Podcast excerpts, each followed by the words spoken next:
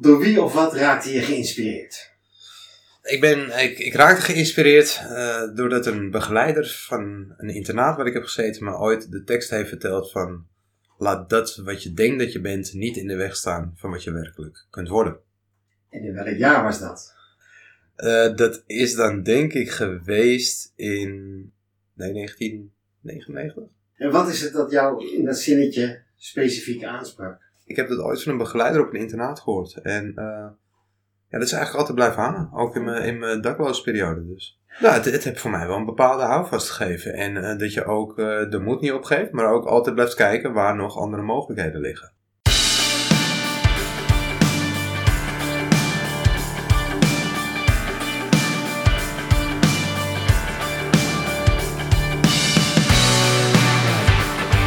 Dit is Luister je gelukkig.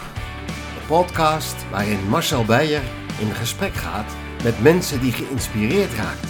En ook jou met hun verhaal willen inspireren.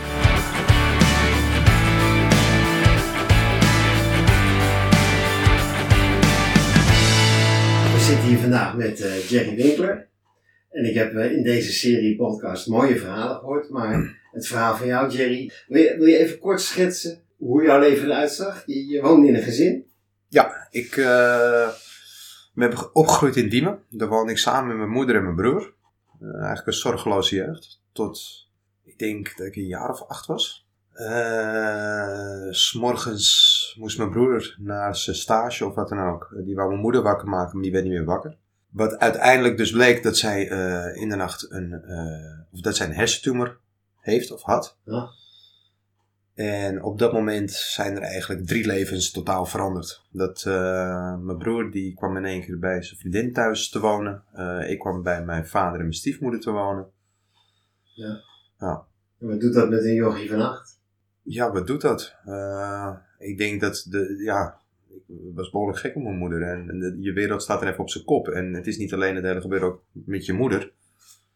Het is ook uh, mijn vriendjes, uh, de buurt, uh, eigenlijk alles wat je, wat je hebt, je vertrouwde omgeving, dat, dat was in één klap was het weg. Ja, je, kwam, je kwam bij je stiefvader te wonen? Op dat moment dacht ik nog dat het mijn vader was. Oké. Okay. en achteraf bleek dat mijn stiefvader te zijn. Ja. ja.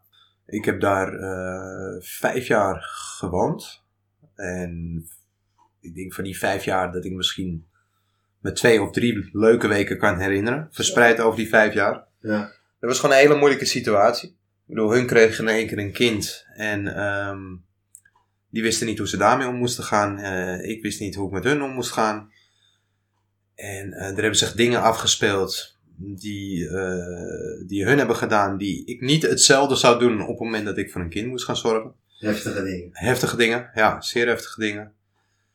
En waar uiteindelijk het naar resulteerde dat ik, dat ik uit huis ging. Een, een toezicht voogd kreeg via jeugdzorg en zo verder uh, mijn leven tegemoet ging van een weekendopvang naar een weekopvang totdat er ruimte was op het internaat. Vanuit daar weer van het ene internaat naar het andere internaat.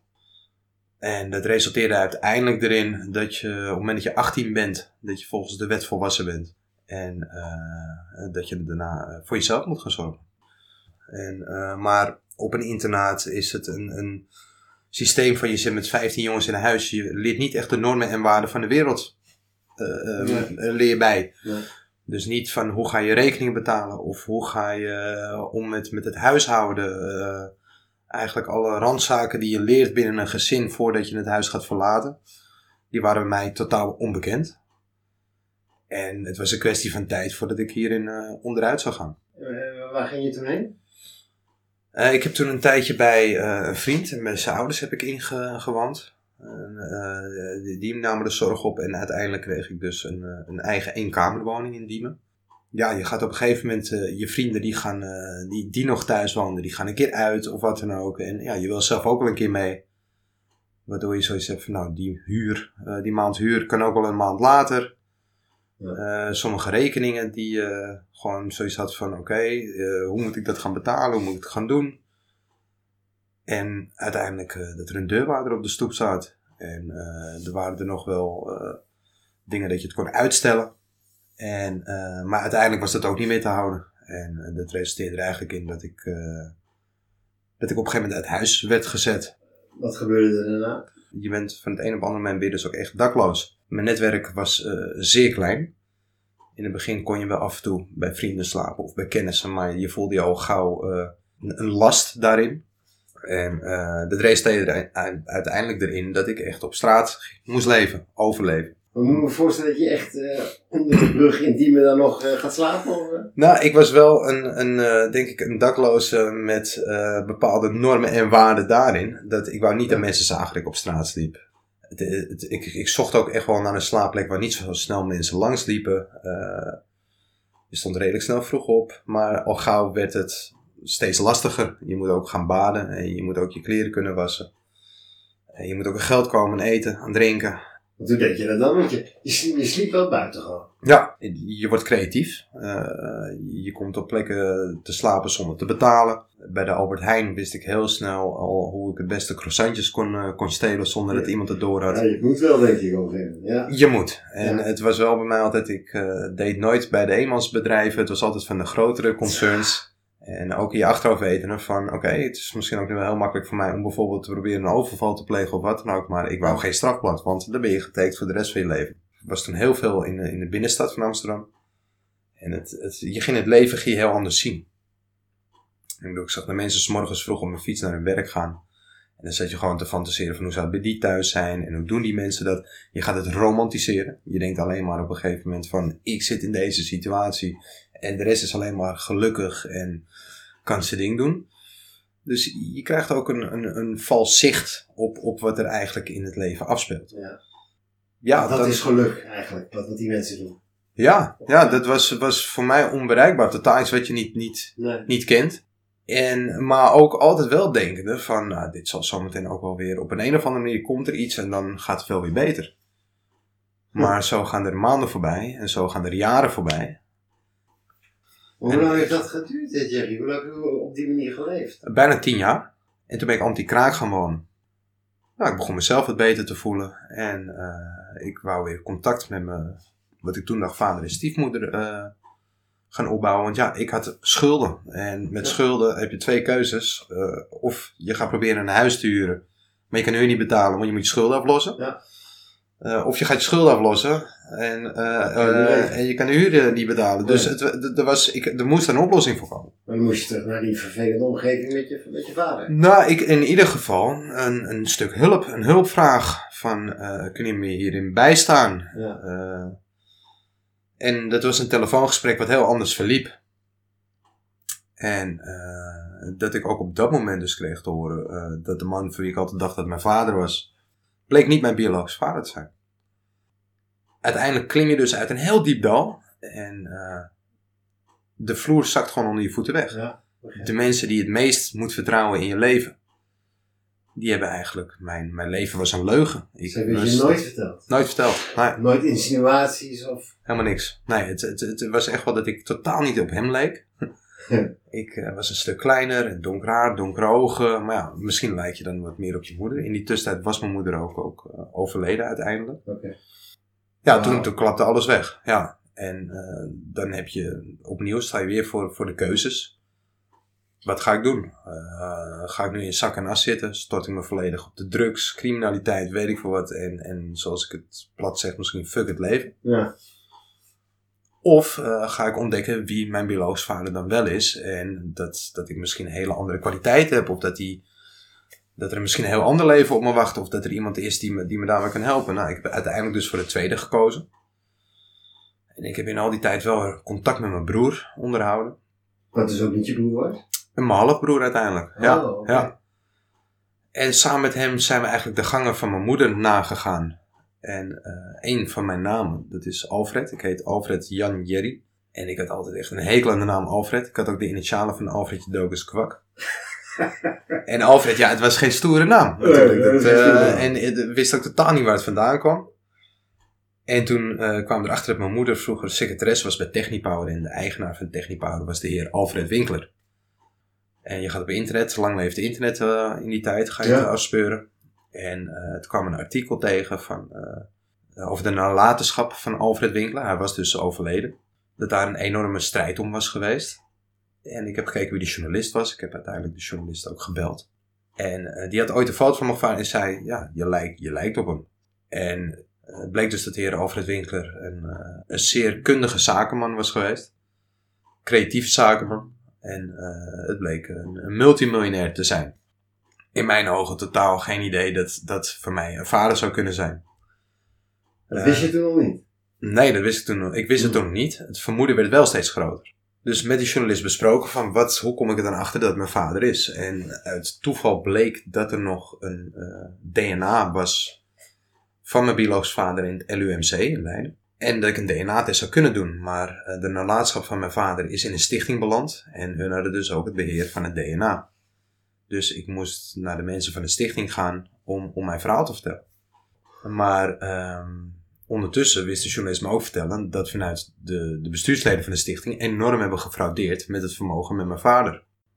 Dus ja, je moest in één keer kwam je in een netwerk van, van witwasserij, eh witte borden, eh, criminelen. En je, zit ook, ja, je komt ook in een soort film terecht. Ik, ik kwam op een heel chic advocatenkantoor terecht. En eh, ik weet nog heel goed dat ik, dat ik daar heel lang voor de deur heb gezeten. En ik bij mezelf dacht, hoe ga ik dit nou brengen?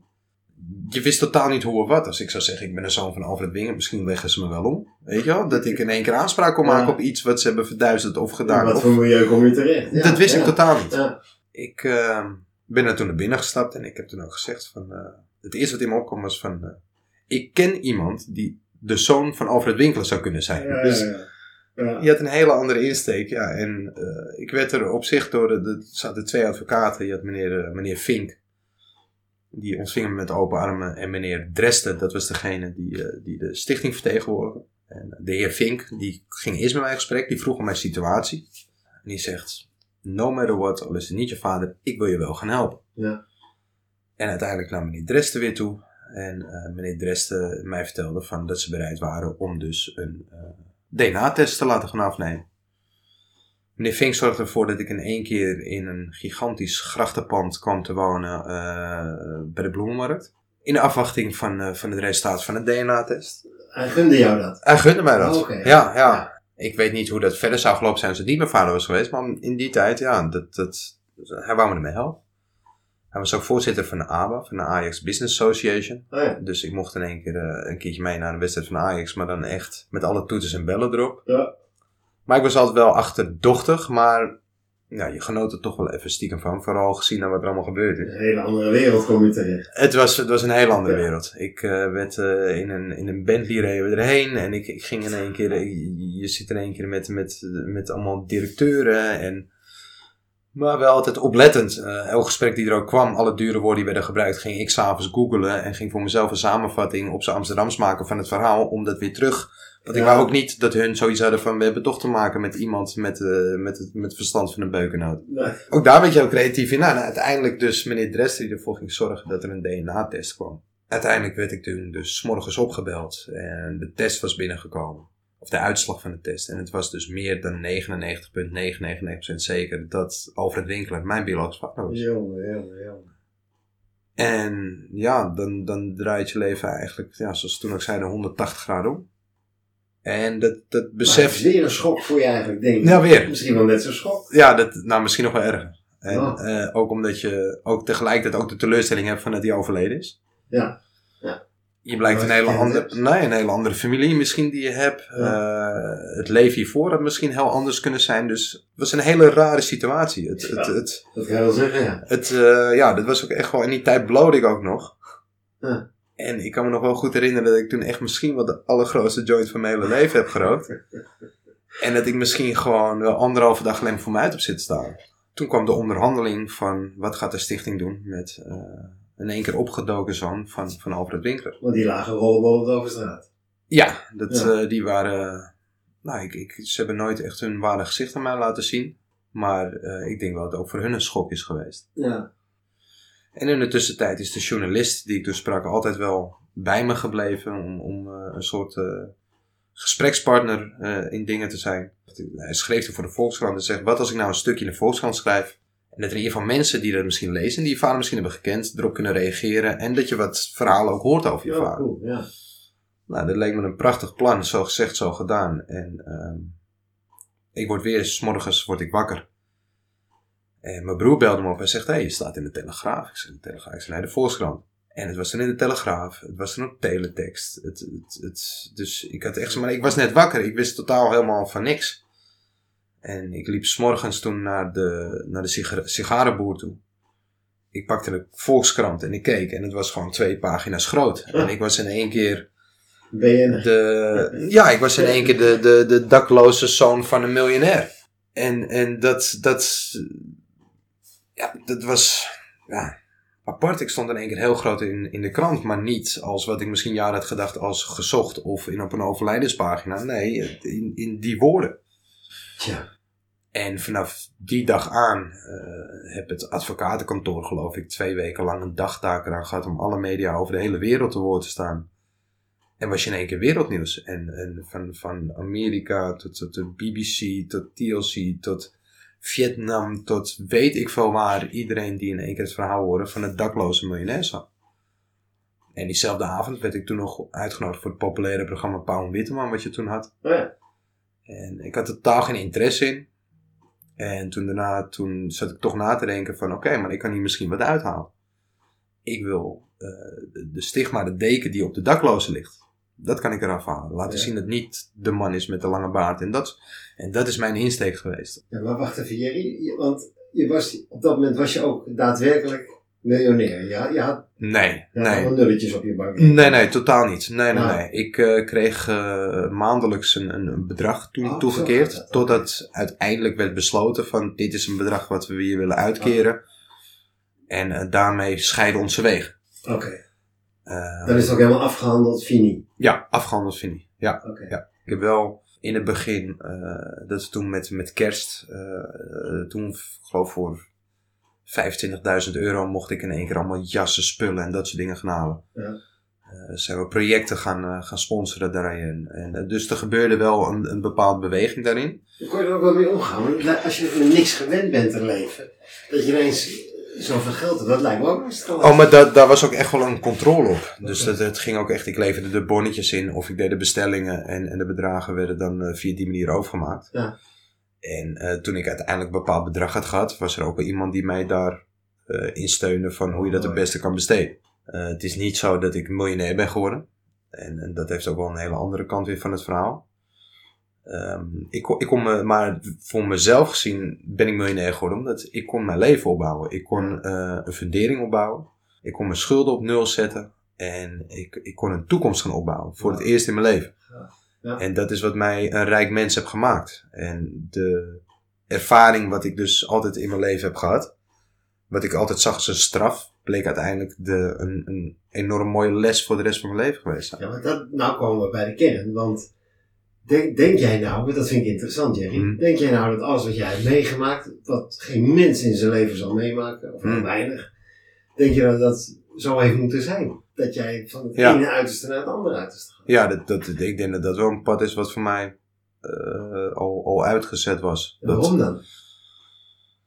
Nou, ik denk, ik denk dat het voor iedereen wel, wel geldt dat je bepaalde dingen in je leven moet maken wat alleen voor jou bestemd is dat je leven zo verloopt.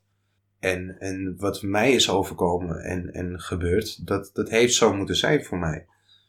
Ik denk, als ik kijk naar de hele dakloze periode, de overleving en wat dan ook. Maar eh, toewerkend nadat ik in één keer een vader eh, bleek te hebben wat een overleden miljonair en dat ik bepaald geld zou krijgen. Dat het misschien heel anders zou zijn als dat ik een jaar of 18 ben, een altijd rozenkleurig leven heb gehad en in één keer een pak geld erbij krijg. Hoe Ja. ga je dan ermee om? Ja. Of eh, hoe handel je naar bepaalde situaties die in je leven gebeuren? Hoe, maar overlevingsmodus is heel anders. Ik, ik sta wat dat betreft met sommige dingen veel sterker. En dus ik, ik, voor iedereen geldt het denk ik wel, je maakt dingen in je leven mee. En die maak je niet zomaar mee. Dat, dat, dat, dat, dat draag je mee. En soms is het een rugzak wat je meedraagt. Maar het kan ook een prachtig mooie ketting zijn wat om je nek hangt. En dat je dat juist ook uitstraalt en dat je daar ook wat mee doet. Want hoe ziet jouw leven er nou uit? Nou, mijn leven nu. eh, ja, ik, ik vind zelf dat ik een, een, een, eh, een, een prachtig leven heb. Ik heb een, een bijzonder mooie vriendin, lieve vriendin, waar ik enorm veel van hou. Dat klinkt goed. Ja, ja, ja dat is eh, dat, eh, Lisanne. En, eh, met twee, ze heeft twee prachtige kids. Breden en Ismay. En daar woon ik nu sinds augustus mee samen. Ik ben hiervoor ben ik ook nog, het is het bijna zeven jaar getrouwd geweest. Gescheiden en dus de nieuwe liefde leren kennen. Ja. En ik ben zelf dus werkzaam geworden in de zorg. Wat doe je? Wat doe ik? Ja, ook dat is wel weer heel divers wat ik doe. Maar als ik het zo moet samenvatten. Ik, eh, ik, nou, ik, het- is meer, ik ben, ehm, ik zie mezelf meer als een projectleider van Business Meets the Street. En dat houdt eigenlijk in het, eh, het samenbrengen van verschillende werelden. Dus eh, van ondernemers, mensen van de justitie, van de gemeentes. Het samenbrengen met de dak- en thuislozen of de verslaafden in de natuur. Met elkaar door middel van activiteiten ook bepaalde dialogen aangaan zodat ze ook kennis krijgen van elkaars werkveld, maar ook kennis van elkaars eh, situatie, waardoor een, een behandeling opgezet kan worden wat veel passender is en wat meer eh, begrip ook geeft van, van, van wederzijds eh, partij. Waarom is dat nodig? Ik denk omdat we in, nou, in al die tijden waar ik dus uit zelfervaring ben, dat iedereen op zijn eigen eilandje werkt. En dus ik zal een voorbeeld geven dat eh, ik, ik mezelf werkzaam geweest in de Bijlmer. En eh, jongens die enorm vaak boetes kregen omdat ze buiten op straat een biertje dronken. Ja. Maar dat zijn jongens die zitten in een 24 uur instelling wat gebruiksvriendelijk is. Doordat ze een drankprobleem hebben of een drugsprobleem. En eh de politiebureau zit naast dat pand. Hm. Dus het is echt een kat op het spek binden. Ja, Die jongens die hoeven maar buiten een biertje te drinken. Je krijgt een boete. Ja. Continu die boetes, elke dag maar weer. En het is niet Hm. normaal wat we daar van CIB-boetes binnenkregen. Maar die boetes worden ook nooit betaald. Ja. Want dan kunnen die jongens toch niet betalen. Ze hebben geen cent te maken. Ze hebben geen cent te maken. Dus eh, wat je uiteindelijk krijgt is meer spanning en wrijving tussen de, tussen de twee, eh, twee groepen. Ja. Terwijl op het moment dat je met elkaar in gesprek gaat en dat je elkaar ook kan aanspreken op bepaalde dingen zonder gelijk een boete, dat je misschien op langere termijn veel meer dingen kan bereiken. Ja. En op het moment dat je een keer een boete uitdeelt, dat is prima. Maar op het moment dat je het herhaaldelijk doet, is onze behandeling naar de cliënt toe wordt al veel lastiger, omdat hij steeds meer met de pet erna gaat gooien op dat moment. Ja. En justitie krijgt steeds met het verhaal dat, eh, dat ze dus een, een cel iedere keer bezet moeten houden, omdat ze meer Ja. hebben moeten oppakken of Ja. wat dan ook. ja, maar het is wel duidelijk dat jouw hart dus wel naar die dak- en thuislozen uitgaat. Zonder meer. Omdat Ja. je daar ervaring hebt opgedaan. Nou, ook wel de ervaring, zeker wel de ervaring die het meebrengt. Maar ook dat je ziet dat er eh, nog heel, heel, heel veel in te behalen valt. Er wordt heel veel over gesproken. Maar het echt ondernemende daarin, dat er heerst een soort angstcultuur, zeg maar. Om een bepaalde stap. Toen wij, ik samen, want ik doe dus samen dus met Rijk en Bernard. En toen ik met Rijk eh, de bossen inging voor drie dagen met tien hardcore eh, verslaafden. Zonder beveiliging, wapens of weet ik veel wat verklaarde iedereen ons voor gek. Maar toen wij na drie dagen die bossen uitkwamen en dat die jongens bepaalde eye-opener hadden, een hele andere eh, instelling hadden naar hun begeleiders toe, had iedereen zoiets van, "Huh, hoe kan het nou? Maar juist omdat wij dus wel die ene keer die stap hebben gezet om iets te doen wat misschien anderen niet zouden durven, hebben wij, kunnen wij wel laten zien dat dit echt zeker wel werkt. Het is een goede uitwerking. Maar is, is het wat die, wat die dak- en thuislozen hebben, is het niet ook een way of living? Dat, dat, dat, zij, dat zij niet in een, in een huis willen of kunnen wonen, of Oh, die zitten er ook zeer zeker tussen. niet allemaal natuurlijk. En we hebben de afgelopen twee jaar ook steeds meer te maken gehad met de economische daklozen. Mensen die door. eh, het lijntje is heel dun. Als jij eh, samen een huis koopt en kinderen en je raakt in een scheiding. Er kunnen heel wat situaties al voordoen Hmm. waardoor je eigenlijk dakloos kunt geraken. Dat zal gebeurd zijn. Ja, en dakloos wil niet per se zeggen dat je op straat leeft. Maar je kan ook bij vrienden tijdelijk zitten of wat dan ook. Maar in principe, en is misschien niet dakloos, maar meer thuisloos, zit je wel in die situatie. En dat is denk ik waar wij met Business Meets the Street een, een, ons hart voor willen maken. Is juist om, om die mensen ook weer een, een kans te geven in de maatschappij. En hun via een traject eh, weer terug te laten keren met een, eh, met een, met een sterke fundering. Ja. En dat is waar, eh, kijk nu vallen de economische daklozen ook onder de gewone daklozen. Dus de voorzieningen, die raken vol. Ja. We hebben nu te maken met een, dat er geen doorstroom is, wat ik zelf dus ook letterlijk heb meegemaakt. Daar zitten wij nu ook mee. En op het moment dat een verslaafde, die moet je ook uit zijn uit zijn omgeving onttrekken.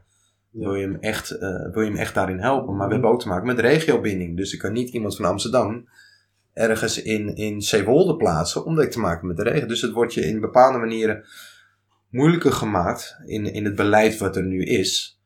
Terwijl het eigenlijk ook wel veel beter zou kunnen. Maar dat kun je alleen maar met elkaar verder ontwikkelen op het moment dat je met elkaar in dialoog gaat. Maar niet alleen degene die in de schoolbank hebben gezeten, maar ook met de mensen die het echt hebben, hebben beleefd en die het echt ondervinden. Ehm, je hebt een liedje dat klinkt van eh, I looked at life have both sides now. Hè? Dus ik heb op twee verschillende manieren naar het leven gekeken.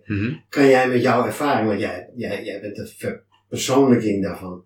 Kan jij met jouw ervaring zeggen waar het geluk ligt? In je hart? Is, is- ja, dat, dat is een mooie, maar, maar laat ik het zo zeggen. Wie zal er in wezen gelukkiger zijn? Is dat die man die, eh, die jij was toen je rustig bij wijze van. Oh, zo bedoel je het? Nou ik weet niet hoe ik het bedoel. Nou, het is Maar- in, in twee verschillende werelden dat je een bepaald... Kijk, ik, Ja. dat- dat je bedoelt in mijn dakloosperiode en, Ja. en in, in de situatie nu. Nou, dat, dat is heel grappig dat je dat vraagt. Want kijk, tuurlijk is het fijn om weer in een maatschappij mee te draaien. En, en dat je meetelt en dat je, dat, je, dat je zelf kan ontplooien en kan doen. Maar aan de andere kant heb ik echt in het begin heel vaak gedacht... Jullie zijn echt allemaal knettergek. De huisje, boompje, beestje. Het leven in een dwangbuis om af en toe maar even adem te kunnen halen en dan weer heel snel doorgaan. En eh, eh, misschien eh, als je geluk hebt dat je zes uur per week je kinderen ziet en dat je ondertussen moet werken en weet ik wat om je, om je, Ja. om, om je hoofd boven water te houden. Het moet allemaal zo duur, zo luxe en zo exposure-achtig mogelijk zijn. Dat, dat snapte ik niet. Ik, ik moet zeggen, toen ik dakloos was en ik had mijn eten, mijn drinken en ik, ik had die zorgen allemaal niet. Nee. Nee, dus Ja. op die manier was ik daar eigenlijk ook wel gelukkig in. Ja. Dat heeft mij wel gebracht nu. Dat, dat, ik denk nu, het leven, ik woon niet in een verschrikkelijk groot huis. Ik heb niet een verschrikkelijk dure auto. Ik kan mijn vaste lasten betalen. Eh, we kunnen leuke dingen nog doen. We kunnen de boodschappen betalen. Eh, ik heb een volle koelkast. Ik heb een bed waar ik in kan slapen. Ik kan mijn jassen trekken. Ik heb warm water. Eh, de kinderen kunnen eten en drinken naar school. Dan, that's, that, that's happiness. Dat is het. Dat is, het, dat is voor mij het geluk. Maar je moet het niet allemaal willen behalen ten koste van jezelf. Jij, jij hebt dat in je leven, want je bent 37 nu, zei je. Ja, klopt. Ja. Dus jij in jouw relatief korte leven nog, Mhm. heb jij dat allemaal links en rechts om je oren gehad, hè? De levenslessen. Eh, ja. Een- ja, een behoorlijk aantal. Ja, ja. Wat, wat, heeft dat voor een man van je gemaakt? Sterk, maar ook iemand die eh, heel lang zijn eigen identiteit kwijt is geraakt. Net wat je zegt van wie ben ik nou eigenlijk? En, en waar hoor ik voor mijn eigen gevoel nou bij? En eh, ik, eh, die, dat is een zoektocht denk ik die je misschien wel je hele leven zou hebben. En ik denk ook wel voor, dat het voor heel veel mensen geldt. Ik denk wel dat ik nu wel een jonge man ben die meer weet wat hij wil. En eh, die, eh, ja, die nog wel heel veel wil bereiken. En eh, ook daar echt wel de kansen voor aangrijpt. Ik denk dat jij weet dat dat gaat lukken. Dat, dat zit wel ergens in mijn, in mijn achterhoofd. Ja. En dat, de, ene keer gaat het wat sneller als, als de andere keer. Maar sommige dingen duren even. Ja. Maar dat zou ook weer een reden hebben dat het even duurt. En dat is hetzelfde als dat je dus meemaakt van dat je eerst, en het duurt wel heel lang, maar dat je dakloos en, en de straat, streetlife meemaakt en, en Ja. alle bijzondere dingen eromheen. Uiteindelijk ben ik er toch gekomen met dat ik nu een, een verschrikkelijk lief, prachtig mooi gezinnetje bij me heb. En dat ik gewoon s'avonds naar bed kan. En Ja. kan douchen en kan doen. Dus uiteindelijk kom je er. En gedeeld met het verleden. Met de klaar de klappen. Nou, ik, dat, dat heeft echt nog wel heel lang geduurd. En dat is met name ook omdat er, eh, dat, dat ook iedereen kent het verhaal van, van mijn periode van eh daklozen en het vinden van mijn vader en, en Hosanna, zeg maar. Ja.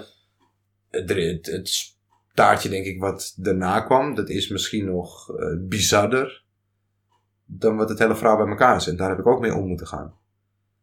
Dus dat heeft wel op een gegeven moment wel van, maar ik heb het verleden, ik heb het nu achter me gele- of tenminste, ik heb het afgesloten, laat ik het zo zeggen. Ja. Pijn doet het af en toe nog zeker wel. En onmacht voel ik ook nog steeds, dat voel ik ook nog steeds. Ja. Maar ik probeer het nu naar het positieve om te draaien. door, eh, door het op een andere manier te gaan uiten. En niet eigenlijk alleen maar eh, te gaan balen waar ik verloren heb of, of waar ik tekort kwam. Maar meer te gaan genieten van eh, wat ik nu heb en wat er nog komen gaat. Dankjewel voor dit gesprek. Ja, graag gedaan. Heb jij ook een inspirerend verhaal? Laat het me weten via www.luisterjegelukkig.nl